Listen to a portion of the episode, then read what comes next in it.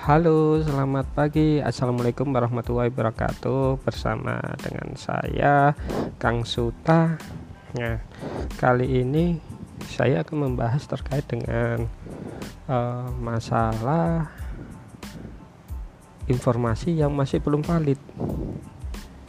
Nah, kan banyak nih, sering nih. Uh, kita mendapatkan informasi baik istilahnya bahasanya A1, A2, A3 dan sebagainya. Mungkin is kode-kode A1 A1 A2 dan seterusnya ini terinspirasi ketika pemilu kemarin ya.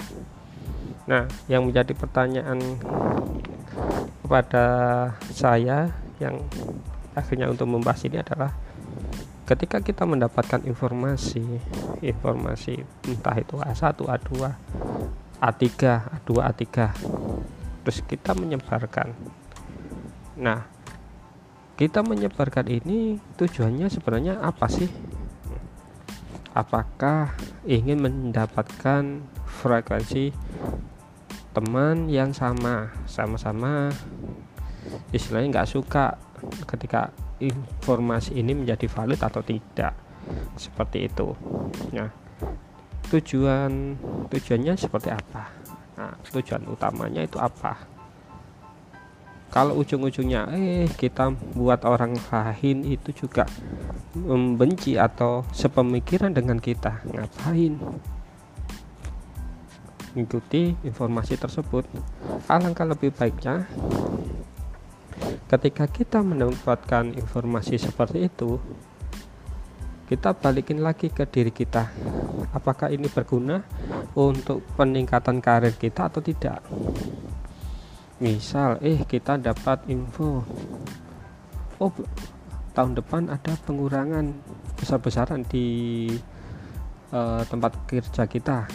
Nah step yang harus kita lakukan apakah kita sebaiknya itu tidak menyebarkan informasi tersebut tapi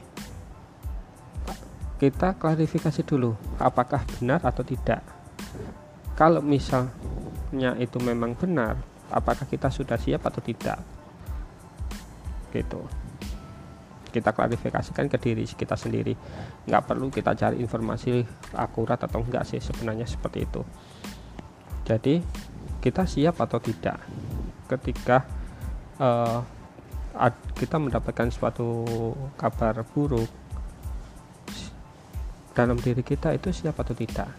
Yang kedua dalam kondisi keuangan apakah itu berpengaruh pada kita sendiri atau keluarga kita? Jangan sampai ketika dapat informasi tersebut malah kita terbakar emosi. Nah setelah terbakar emosi eh kita nggak ngapa-ngapain. Nggak ngapa-ngapain hanya larut dalam emosi kita sendiri. Nah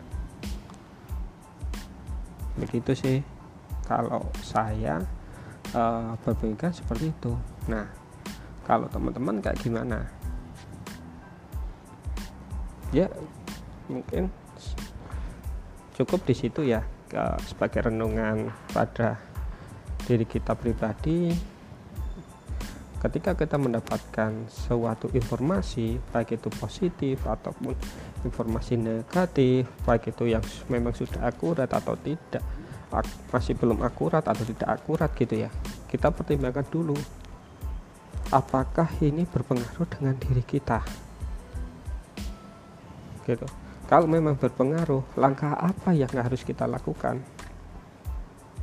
Improve uh, skill kita meningkatkan skill seperti itu atau seperti apa.